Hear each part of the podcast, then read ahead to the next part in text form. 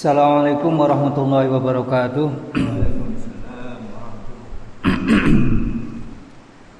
Bismillah, alhamdulillah, wassalatu wassalamu ala rasulillah wa ala alihi wa mawala La hawla wa la quwata illa billah amma ba'd.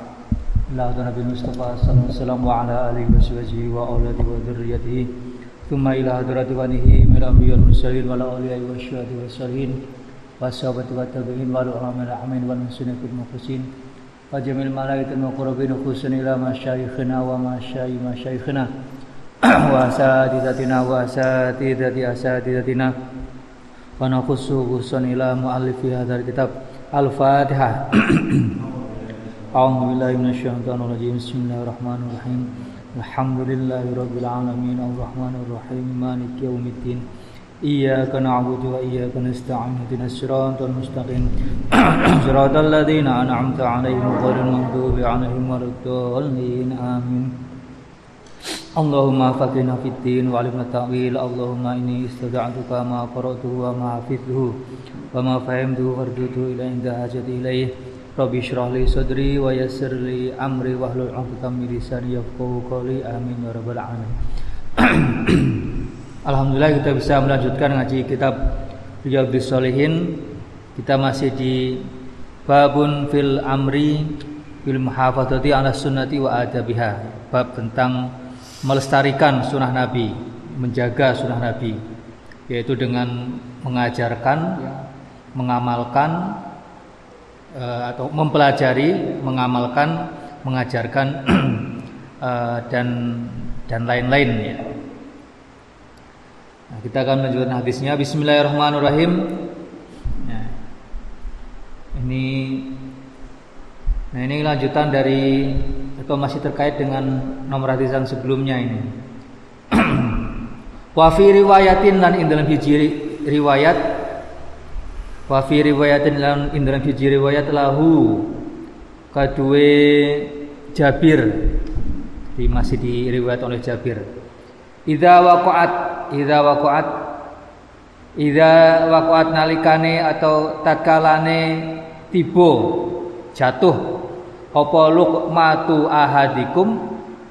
Lukmatu ahadikum lukma itu ani sesuapan suapan makanan. Lukmatu ahadikum apa uh, suapane suapan panganane salah siji sira kabeh. Jika jika makanan kita terjatuh ya. Makannya terjatuh fal ya'khudh. Moko becik ngalap. Sapa wong ha ing lukmah. Falyakhud moko becik ngalap sapa hadikum ha ing lukmah. Nah kalau makannya makannya jatuh ya diambil saja tapi fal yumit moko becik ngilangake. Sapa hadikum ma ing barang. Kana kang ono kana kang ono apa ma min ada nyatane saking kotoran. Nah kalau makanan makanan jatuh ya e, ambil dan kotorannya itu di, dibuang ya, di ya dibersihkan dulu. Wal yakul lan becik mangan sahabatikum ha ing lukmah. Nah, ini terutama makanan-makanan yang mungkin bersifat kering ya. Basah. Kalau basah kan jatuh ya nggak uh, bisa di ya bisa dibersihkan tapi akan susah kan? Terutama yang kering-kering atau yang padat-padat ya. Selama itu masih bisa dibersihkan eh, yang bagian kotornya itu dibuang maka sisanya itu dimakan. Kecuali, kecuali kalau makanan-makanan yang cair ya yang susah untuk dibersihkan yang nggak bisa dipisahkan ya mau gimana ya harus dibuang. Tapi juga nanti ada aturannya tuh jangan dibuang sembarangan tetap memperhatikan uh, aturan nanti ada nih walayada walayada lan ojo ninggal subahdikum lisyaitoni kadue setan jadi jangan sampai ada makanan yang kita makan itu baik makanan yang masih utuh atau dari karena jatuh ataupun sisa-sisa itu ya. Jangan ditinggalkan untuk setan, jangan disisakan untuk setan. Makanya kan di hadis sebelumnya itu ya, eh, kita diminta untuk menjilat ya. Menjilat makanan baik yang ada di jari maupun ada di tempat makan, di sendok atau di piring gitu. Sebab nanti kalau e, ada sisa-sisa kayak gitu nanti itu jadi jatahnya setan tuh. Ini juga uh, para sebagian ulama me, ber, apa ya, mengambil dalil dari hadis ini bahwa setan juga makan itu sama seperti uh, kita manusia. Berarti ini setan dari kategori jin. Uh, setan kan biasa diartikan uh, makna psikologis kan uh, yang menggoda gitu. Tapi sebagai makhluk secara secara makhluk itu itu jin sebenarnya. Uh, makhluk kan ada manusia, ada jin, ada malaikat itu kan yang kategori besarnya itu kan. Jin, malaikat, manusia. Yang disebut setan itu sebenarnya kategori jin gitu ya. Jin yang yang menggoda itu. Nah, jin yang menggoda itu iblis. Setan yang biasa diartikan apa yang yang menggoda manusia yang mendorong manusia pada keburukan itu eh, apa namanya sifat sifatnya ya.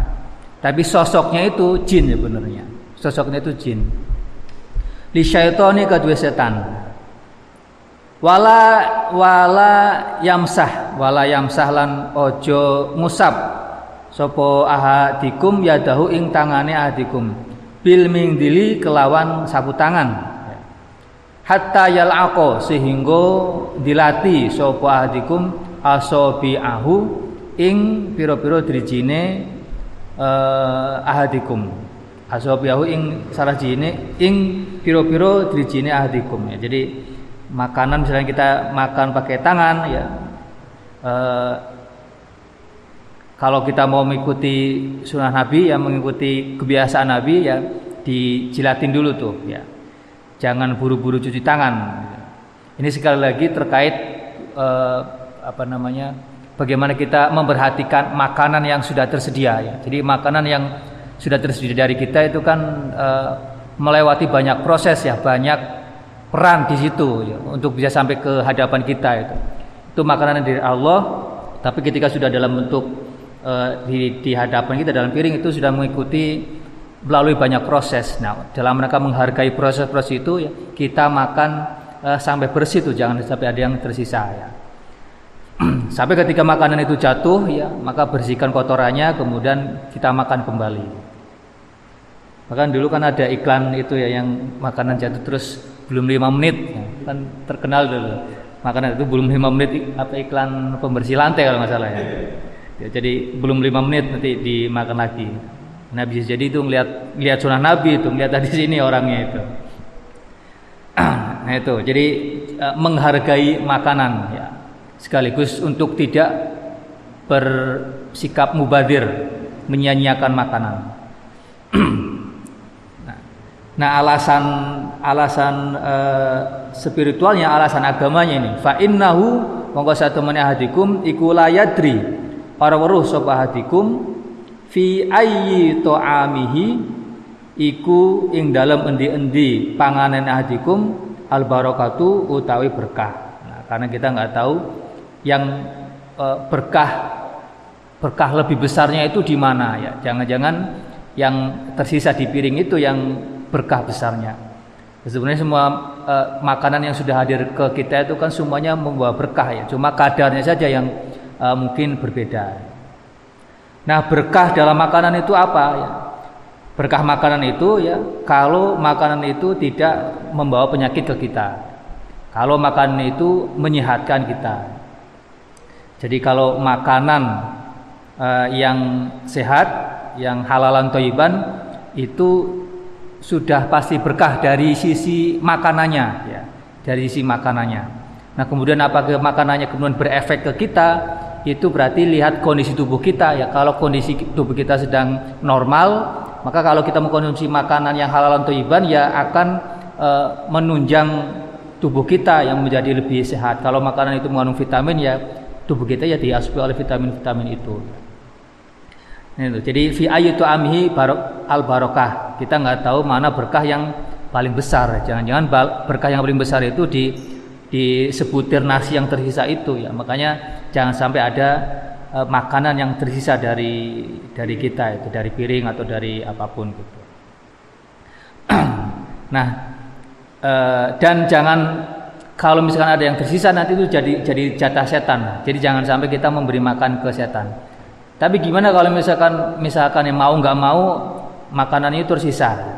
Itu sebaiknya dikasih ke hewan misalkan ke hewan peliharaan ke ayam eh, ke kucing kalau misalnya itu daging-daging ya pokoknya kita usahakan kita habiskan makanan kalau memang nggak bisa habis ya kita kasih ke hewan peliharaan ya.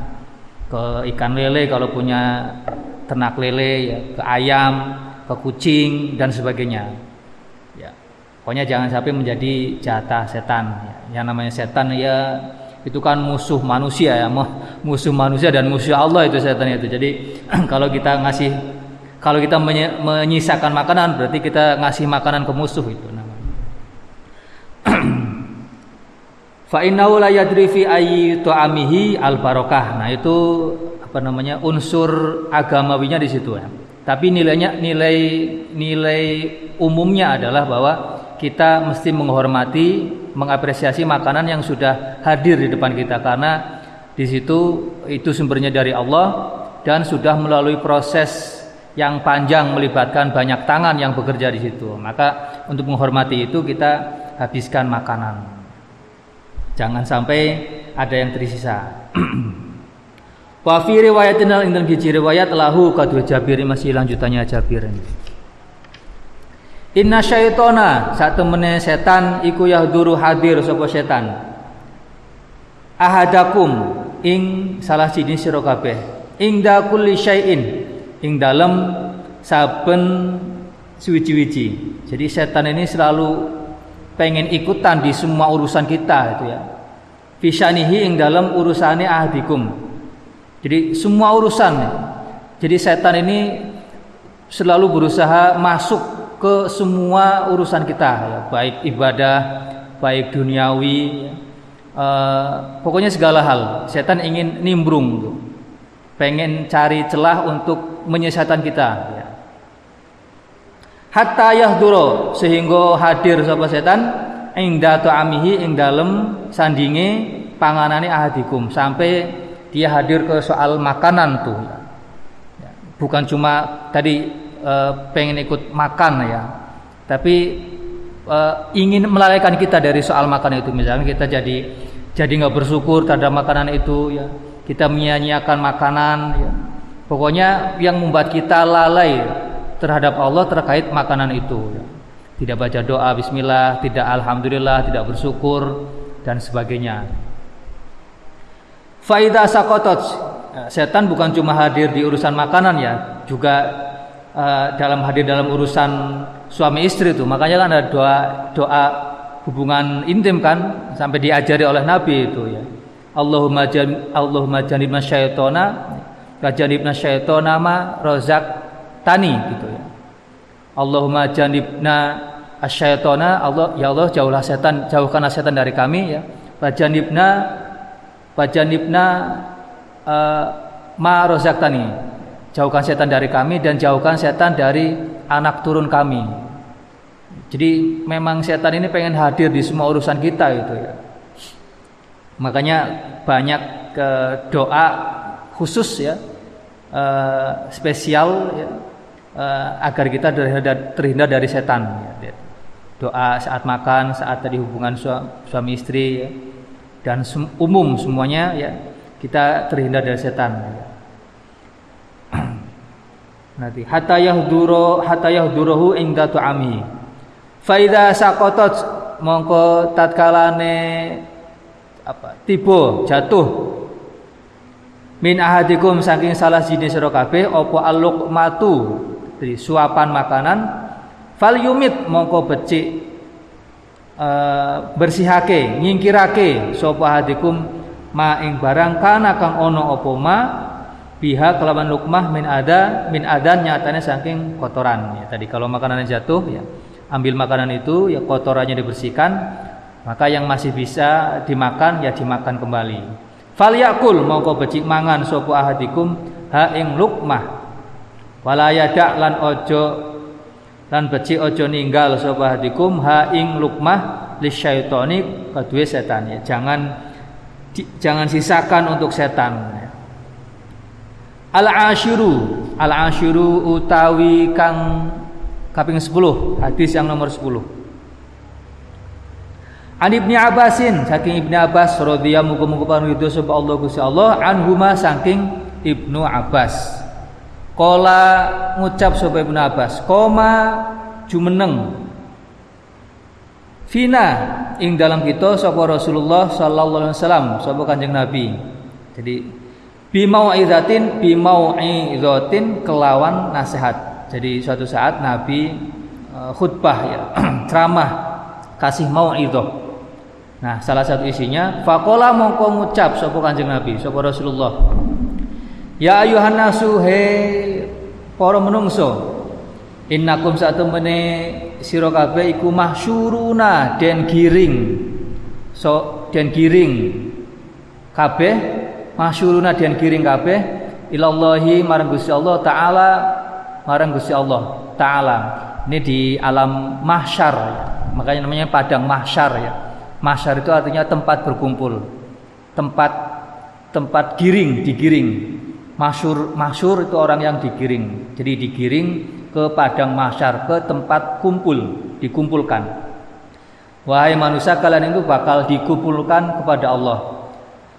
Hufatan hufatan hale wudo telanjang eh bukan hufatan itu nyeker hufatan nyeker nggak pakai alas kaki murotan Urotan ini baru udo telanjang. Jadi nggak pakai alas kaki, nggak pakai baju. Hurlan, hurlan durung sunat. Nah, ini yang laki-laki berarti ini. Hurlan durung sunat. Nah, jadi nanti kita, di padang masyar itu man, semua manusia itu telanjang ya. Dalam kondisi telanjang dan belum disunat. Persis ketika baru lahir bayi itu ya bayi yang belum sunat seperti itu ya. Kita kan kalau melihat bayi telanjang atau bayi kumpul laki-laki perempuan telanjang kan sesuatu yang biasa kan. Artinya tidak seperti orang dewasa yang lagi telanjang terus kumpul itu pasti kan aib ya. Akan melihat uh, aurat masing-masing, uh, aurat lainnya ya. dan mungkin juga ada hasrat, ada nafsu, juga mungkin malu gitu. Itu kalau orang dewasa orang dewasa yang uh, telanjang gitu ya. Jadi sudah yang nggak punya rasa malu kan. Nah, kalau orang yang normal ya uh, telanjang bareng-bareng pasti akan malu. Ya, malu melihat atau malu karena dilihat. Nah berbeda uh, anak-anak kecil tuh ya main di kali telanjang bareng ya itu kan nggak peduli dengan aurat sendiri dan, dan aurat aurat orang lain kan karena masih kecil fokusnya pada main. Nah begitu juga manusia ketika di padang masyar itu ya telanjang kayak bayi, mereka nggak peduli dengan aurat diri sendiri dan aurat orang lain. Ya. Aurat sendiri aja nggak nggak nggak mikirin, apalagi sibuk mikirin aurat orang lain. Ya. Artinya walaupun telanjang nggak seperti bayangan kita saat di dunia ya orang telanjang ada nafsu, ada aibnya yang dilihat dan sebagainya ya. Di akhirat seperti itu, di masa seperti itu nggak peduli. Ya. Telanjang bulat nggak peduli ya seperti anak kecil yang bermain-main di sungai telanjang mereka nggak peduli dengan aurat sendiri dan aurat orang lain. Nah di, di pada masyarakat seperti kondisinya nah, nggak pedulinya karena ya sudah sibuk dengan nanti mikir kira-kira masuk surga atau masuk neraka adabnya seperti apa dan sebagainya. Karena pikiran seperti itu sampai nggak sempat mikirin aurat sendiri atau aurat orang lain. Iya sudah nggak inilah sudah hilang semuanya karena fokusnya ke itu tadi ke ke per, yaumul hisab dan sebagainya. Ini masih belum hisab ini. Jadi uh, apa namanya dibangkitkan dari kubur kemudian digiring ke alam di padang mahsyar itu. Masih proses seperti itu. Masih banyak proses ke depan untuk maju ke surga atau neraka. Jadi pikirannya masih macam-macam. Jadi nggak peduli dengan aura sendiri dan orang lain. Nah, itu kondisinya kayak itu ketika di padang mahsyar kama badakna nah ini di apa namanya kutipan Al-Qur'an ini kama badakna awala khalqin nu'iduhu wa'dan wa'dan alaina inna kunna fa'ilin kama badakna koyo ngawiti sapa Allah awala khalqin ing kawitane penciptaan. Nu'idu kang baliake sapa kita Allah hu ing khalqin. Wa'dan.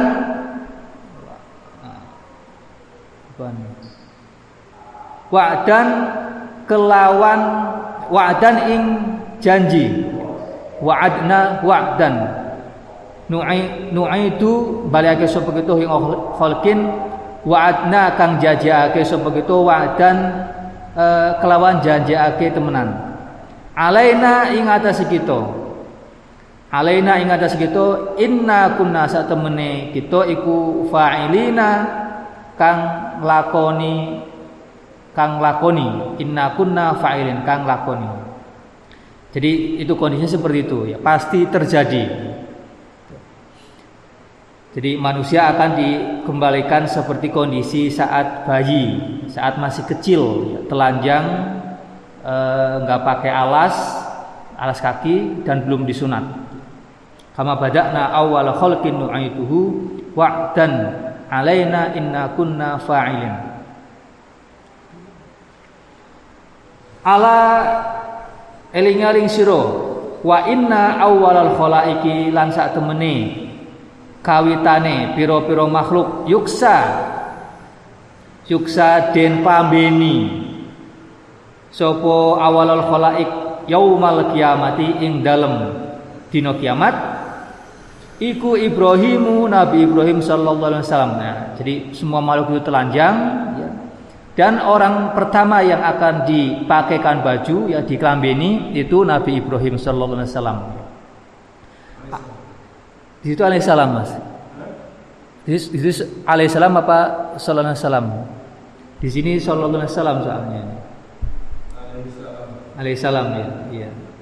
Jadi beda riwayat tadi di sini sallallahu alaihi wasallam. Mungkin salah ketik atau mungkin memang uh, riwayat yang berbeda ala eling sira kabeh wa innahu lan sak temene kelakuan iku sayujau bakal den teka bakal den tekaake sapa birijalin kelawan wong wong akeh min ummati saking umat ingsun. Nah yang tadi itu eh, apa namanya fragmen satu fragmen. Sekarang fragmen lainnya di di pada masyar ini. Jadi ada orang ada sekelompok orang atau banyak orang yang digiring nih fayukhadhu mongko den giring atau den sikso digiring apa bihim kelawan rijal? Data shimali ing arahe neraka. Data shimali ing arahe neraka. Data shimal artinya itu kalau secara harfiah artinya kiri ya kelompok kiri. Tapi ini maksudnya ini ke neraka. Nah, jadi fragmen lain di akhirat nanti eh, ada sekelompok orang yang digiring menuju neraka jadi tadi yang telanjang itu satu fragmen, kemudian Nabi Ibrahim dipakaikan baju itu satu fragmen, kemudian fragmen lain ada sekelompok orang yang digiring ke neraka. Jadi ini uh, hadis menceritakan tentang tentang akhirat ya. Nah, Nabi melihat itu ya. Nabi melihat sekelompok orang digiring ke uh, ke neraka. Dan ternyata itu umatnya Nabi Muhammad itu yang digiring ke neraka. Ya bukan bukan orang lain. Nah, kenapa seperti itu? Nah, Nabi Nabi nanya nih, "Fa'aqulu moko ngucap sapa ingsun Kanjeng Nabi, ya Rabbi duh pangeran ingsun, ashabi piro-piro sahabat ingsun." Ini maksudnya umat, ummati, ashabi ummati. Uh, Gusti itu bukannya umatku ya. Kira-kira kurang lebih begitu mananya. Jadi melihat sekelompok orang digiring ke neraka, Nabi uh, tahu itu umatnya dan mungkin gak habis pikir kok bisa umatku digiring ke neraka. Ya. Nah, kemudian uh, kemudian diingatkan ini di Nabi dikasih tahu alasannya kenapa orang-orang umat Nabi Muhammad ini orang mukmin Muslim digiring ke neraka. Fayuqalu moko den ucapake innaka sak temene sira Muhammad iku la tadri ora ngerti ora weruh sapa Muhammad ma ing opo ahdatsu gawe-gawe sapa ummati atau asabi itu ba'daka ing dalam sa'wisi sira uh, Muhammad ya, itu memang umatmu ya. kamu nggak tahu uh, peristiwa apa yang terjadi setelah uh, kamu wafat ya. kamu mungkin saat uh, saat hidup ya bisa menyaksikan itu umat-umatmu yang memang benar-benar muslim mukmin mana yang munafik, mana yang kafir itu tahu Nabi Muhammad. Nah umat-umat yang uh, yang masuk Islam, yang mukmin, Nabi Muhammad sudah bisa memastikan, kira-kira seperti itu ya. Uh, beliau berpikir bahwa umat-umat uh, yang para sahabat yang beliau lihat masuk Islam itu sudah Nabi yakin bahwa itu akan selamat ketika di di di akhirat nanti. Dan Nabi juga berpikir umatnya akan seperti itu. Ya. Yang mukmin, yang muslim bakal selamat atau bakal terhindar dari neraka. Tapi ternyata tidak, ada umatnya yang digiring ke neraka. Ya. Kemudian disebutkan alasannya bahwa itu memang umatmu, tapi kamu nggak tahu apa yang mereka lakukan setelah kamu wafat. Faakulu mongko ngucap sopo ingsun. Kama kola koyo oleh ngucap sopo al abdu hamba as kang solehnya. Jadi Nabi e, mengutip Al-Quran yang pernah turun ketika di bumi itu.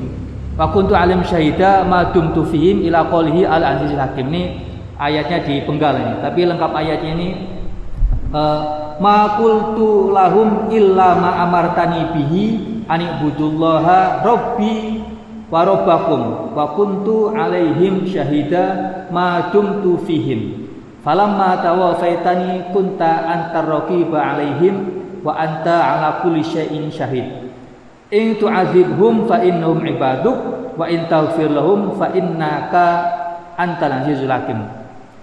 Jadi ini percakapan Nabi Muhammad dengan Allah kira-kira ketika di akhirat. Jadi Nabi Muhammad melihat ada sekelompok umatnya yang digiring ke neraka dan Nabi Muhammad jadi jadi kepikiran, ya Allah itu umatku kenapa uh, digiring ke neraka? Kemudian dikasih tahu bahwa uh, itu memang umatmu, orang Islam, orang mukmin ya. Tapi kamu nggak tahu apa yang mereka lakukan ya. Karena kamu sudah wafat ya. Kamu nggak bisa mengingatkan mereka nggak bisa membela mereka ketika di dunia ya. Karena memang sudah beda alam ya dengan Nabi ya. Nah kemudian ketika dikasih tahu seperti itu ya Nabi apa me, mengakui ya membenarkan kondisi itu dan Nabi menyampaikan atau curhatlah kira-kira ya Allah waktu di dunia ya uh, saya memang sudah menyampaikan menyampaikan apa yang kamu perintahkan makul terum illa ma amartani bihi anik budullah anik budullah ya Allah memang ketika dunia saya sudah menjalankan perintahmu ya untuk menyuruh manusia untuk beriman ya. Wa kuntu alaihim syahida dan saya berani bersaksi terhadap orang-orang yang memang sudah masuk Islam gitu. Madum tu fihim selama aku hidup bersama mereka, selama aku menyaksikan mereka yang benar-benar masuk Islam. Falamma tawafaitani kunta antara kiba alaihim. Ya tapi kalau sudah saya uh, ketika saya sudah wafat, ya saya memang sudah tidak bisa ngawasi lagi umatku yang masuk Islam itu. Dan hanya engkaulah yang tahu kondisi uh, umatku ya uh, sepeninggalku. Jadi akhirnya Nabi mengakui ya kalau memang ternyata uh, umatnya itu melakukan sesuatu yang memang harus mengharuskan dia digiring ke neraka ya uh, Allah yang tahu ya. Aku tidak tahu gitu kemudian fa'in in tu'adzibhum fa innahum ibatu kalau memang panjenengan mau mengadab mereka ya uh, tapi mereka itu hambamu ya Allah. Artinya Nabi tetap berharap nggak uh, disiksa itu. Fa in tu'adzibhum fa innahum ibaduk ya Ya Allah kalau panjangan mau nyiksa uh, tapi kira-kira kalau bahasa kita mau nggak dipikir-pikir karena mereka juga um uh, hambamu yang yang engkau ciptakan. Itu satu sisi. Wa in taghfir lahum fa innaka antal azizul hakim. Tapi kalau panjenengan mau ngapuro ya ke, la, memang selayaknya ya. Karena mereka karena panjenengan memang maha bijaksana. Jadi ini kira-kira uh, bahasa diplomasinya Nabi ini. Jadi sebenarnya pada intinya itu pengen tidak diadab itu umat, umat Nabi Muhammad yang pernah berbuat dosa ya. Jadi kalau mau mau mengadab mereka itu umatmu ya Allah gitu. Masa mau disiksa? Kira-kira kurang lebih seperti itu ya. Tapi kalau panjenengan mau mengampu, mau mengampuni, ya memang sudah layak panjenengan mengampuni karena panjenengan itu maha bijaksana. Itu kan bahasa yang sebenarnya intinya uh, agar mereka tidak disiksa ya. Tapi kalau mau menyiksa ya ya terserah gitu. Tapi mereka tetap umatmu. Kira-kira seperti itu. Nah itu itu percakapan antara Nabi Muhammad dengan Allah ketika di di akhirat itu ya. Itu. Fayuqalu mongko den ucapake li marang ingsun. Nah tadi itu. Uh, umat Nabi Muhammad yang digiring ke neraka itu uh, kenapa ya? Apa yang mereka lakukan ketika uh, saat Nabi Muhammad sudah sudah wafat itu? Uh, ini tentu saja bukan para sahabat yang ditinggal wafat Nabi ya. Jadi para sahabat yang ditinggal wafat Nabi itu ya termasuk yang terlibat konflik kan ada konflik tuh sepeninggal Nabi. Termasuk yang terlibat konflik itu kalau dalam ilmu hadis itu tetap fikoh ya. Tetap fikoh, tetap adil, tetap terpercaya ya. Walaupun mereka perang saudara ya sampai sampai bunuh-bunuhan kan ya. Perang terutama para yang bunuh-bunuhan sebenarnya ini uh, uh, para sahabat yang atau orang-orang yang mungkin jauh ya hidupnya jauh dari dari Nabi dari dari pusat Mekah atau Madinah itu ya.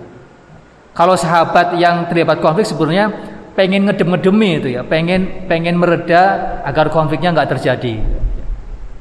Ketika Utsman dibunuh itu kan uh, uh, bukan oleh sahabat yang berada di lingkungan Mekah atau Madinah itu dari luar dari luar daerah daerah itu yang kemudian diprovokasi gitu ya. Maka dalam ilmu hadis para sahabat Nabi itu semuanya adil dan fikoh ya. Uh, jadi uh, yang dimaksud uh, hadis ini bukan umat Nabi Muhammad uh, sahabat itu ya. Tapi umat Nabi Muhammad se jauh setelah masa Nabi itu gitu. Nah, kenapa mereka digiring ke neraka ini? lam yazalu lam yazalu innahum temene tadi itu ummati atau ashabi lam yazalu uh, ora wis-wis atau selalu iku murtadina murtadina podo murtad uh, ini murtad itu secara artinya kembali.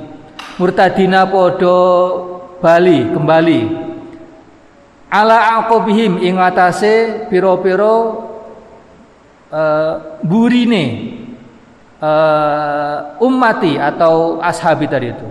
Mungdu farokta jege misah sopo siro hum ing ing rijal berarti ing rijal hum ing rijal nah kenapa tadi sekelompok or, sekelompok umat Nabi Muhammad itu digiring ke neraka ya karena mereka murtad Murtad ini bisa arti murtad secara hakiki yang kita kenal yaitu keluar dari Islam atau murtad dalam arti mereka berbuat maksiat ya.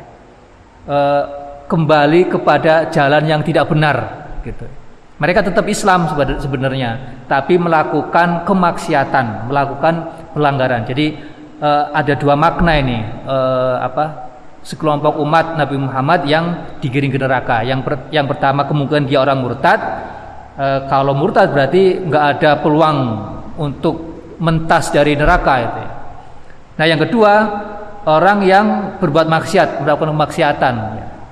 Jadi mereka digiring ke neraka ya.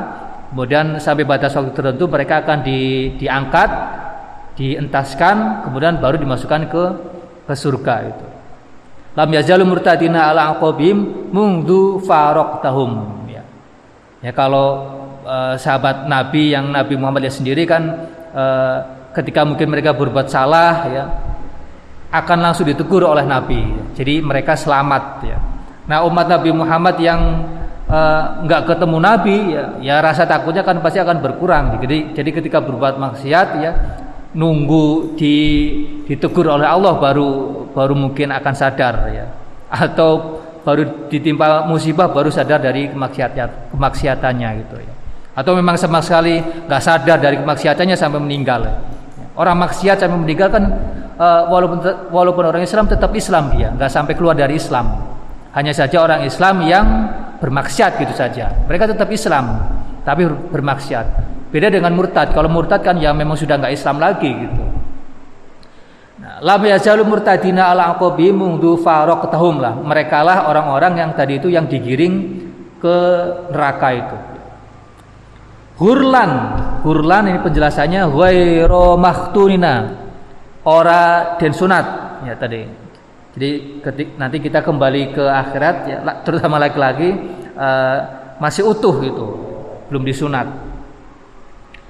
Al hadi asyara hadis kang 11 Al hadi asyara an Abi Sa'idin Abdullah bin Mughaffal radhiyallahu anhu qala Qala ngucap sapa Abi Sa'id bin Abi Sa'id Abdullah bin Mughaffal Naha nyegah ngelarang sapa Rasulullah sallallahu alaihi wasallam Gusti Rasul anil hadfi anil hadfi saking uh, saking balang anil khadfi saking balang ini apa namanya kalau sekarang itu kayak ketapel ya ketapel atau melempar biasa nggak pakai ketapel ya lempar gitu anil khadfi saking balang ya. jadi melempar kerikil ya batu batu batu gitu ya Nah, kenapa dilarang? Ya, jadi ini konteksnya ketika berburu atau berperang ya. Jadi kalau perang itu ya masa pakai senjata kecil kan atau berburu hewan besar misalkan masa pakai hewan pakai e, senjata kecil pakai kerikil itu kan e, mustahil ya, ya.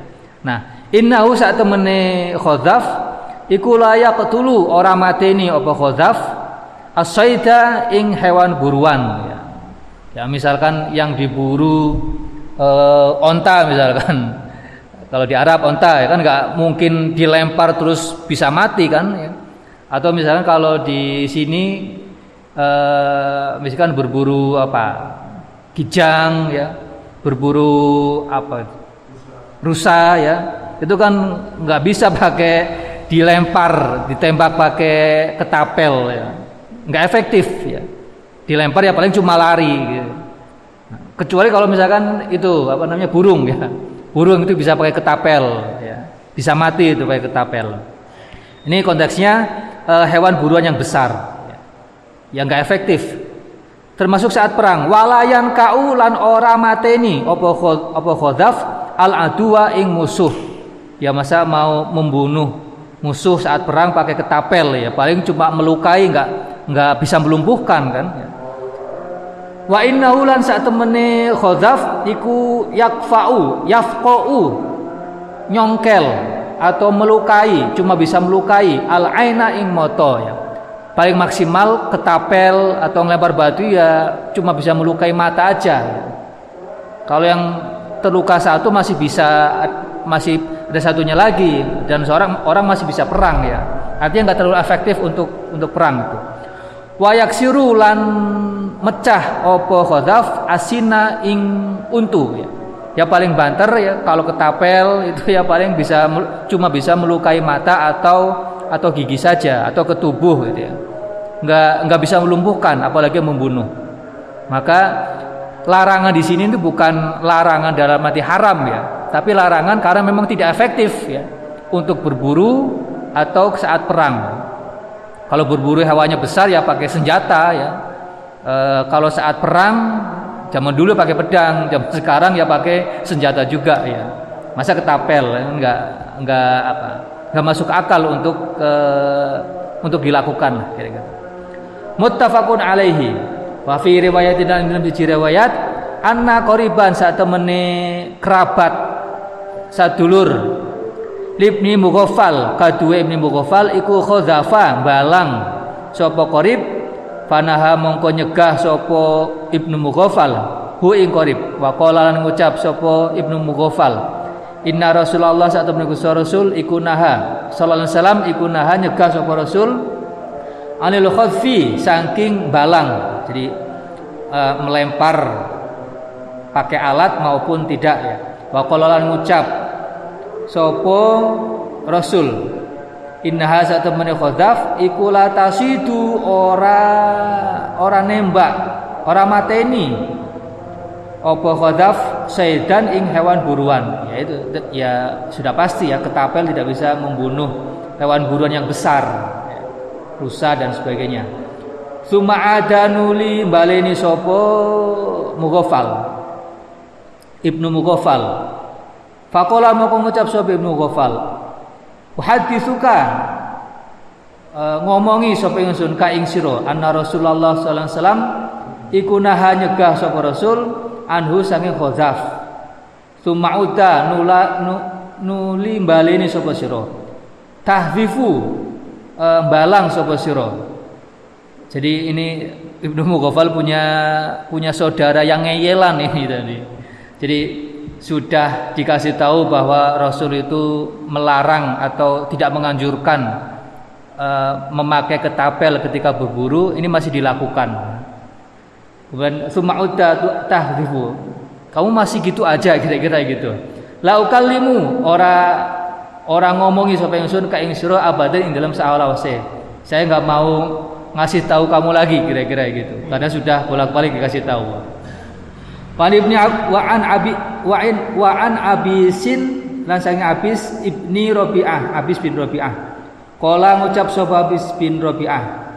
Ra'aitu weruh sapa ingsun Umar in Umar Umar Umar nal Khattab Umar bin Khattab Radhiya muga-muga paring yudha sapa Allah Gusti Allah anu saking Umar bin Khattab yuqabilu ngecup atau ngambung sapa Umar bin Khattab al hajaro ing hajar aswad hak al hajaro ing watu yakni ngarepake sapa abis al aswada ing hajar aswad jadi suatu saat ya, abis bin Rabi'ah melihat Umar mengecup hajar aswad ya. Kau pas umroh sempat gak mas ngecup hajar aswad mas? Nggak bisa ya, berat ya. ini Umar Ya tentu saja waktu zaman Umar masih lowong ini gampang aja ketika sudah beraswat. Wa yaqulu an ngucap sapa Umar, ini satemen ingsun iku la a'lamu. Ini ini satemen ingsun iku a'lamu ngerti sapa ingsun. Annaka ing satemen sira iku hajarun watu. Nah, ketika setelah ngucap eh, setelah ngecup itu ya mencium hajar aswad Umar bilang, "Saya tahu kamu itu cuma batu. Matan fa'u ora ora aweh manfaat sapa sira watu wala taduru lan ora aweh bahaya sapa sira watu saya tahu kamu itu cuma batu ya. Tidak punya pengaruh apa-apa nggak menguntungkan juga nggak merugikan ya. walaula anni walaulan lamon ora. Satu menit ingsun iku itu weruh sapa ingsun. Rasulullah ing Gusti Rasul sallallahu alaihi wasallam yuqabilu ngecup ngambung ngambung sapa Rasul ka ing sira maqabbal tu ora bakal ngambung sapa ingsun ka ing sira kamu itu cuma batu nggak punya pengaruh apa-apa nggak menguntungkan nggak merugikan. Saya mau ikut mengecupmu menciummu karena saya ikut nabi. Ya, karena na saya pernah melihat nabi menciummu maka saya e, meneladani sunnah nabi itu. Jadi ini e, apa namanya bahwa dalam Islam itu ya ada ajaran-ajaran yang tidak ada tidak ada ilatnya tidak ada alasan yang rasional kira-kira. Tidak ada alasan yang logis kenapa uh, itu ada. Salah uh, satu-satunya alasan kenapa itu dilakukan adalah ya karena kita mengikuti ya.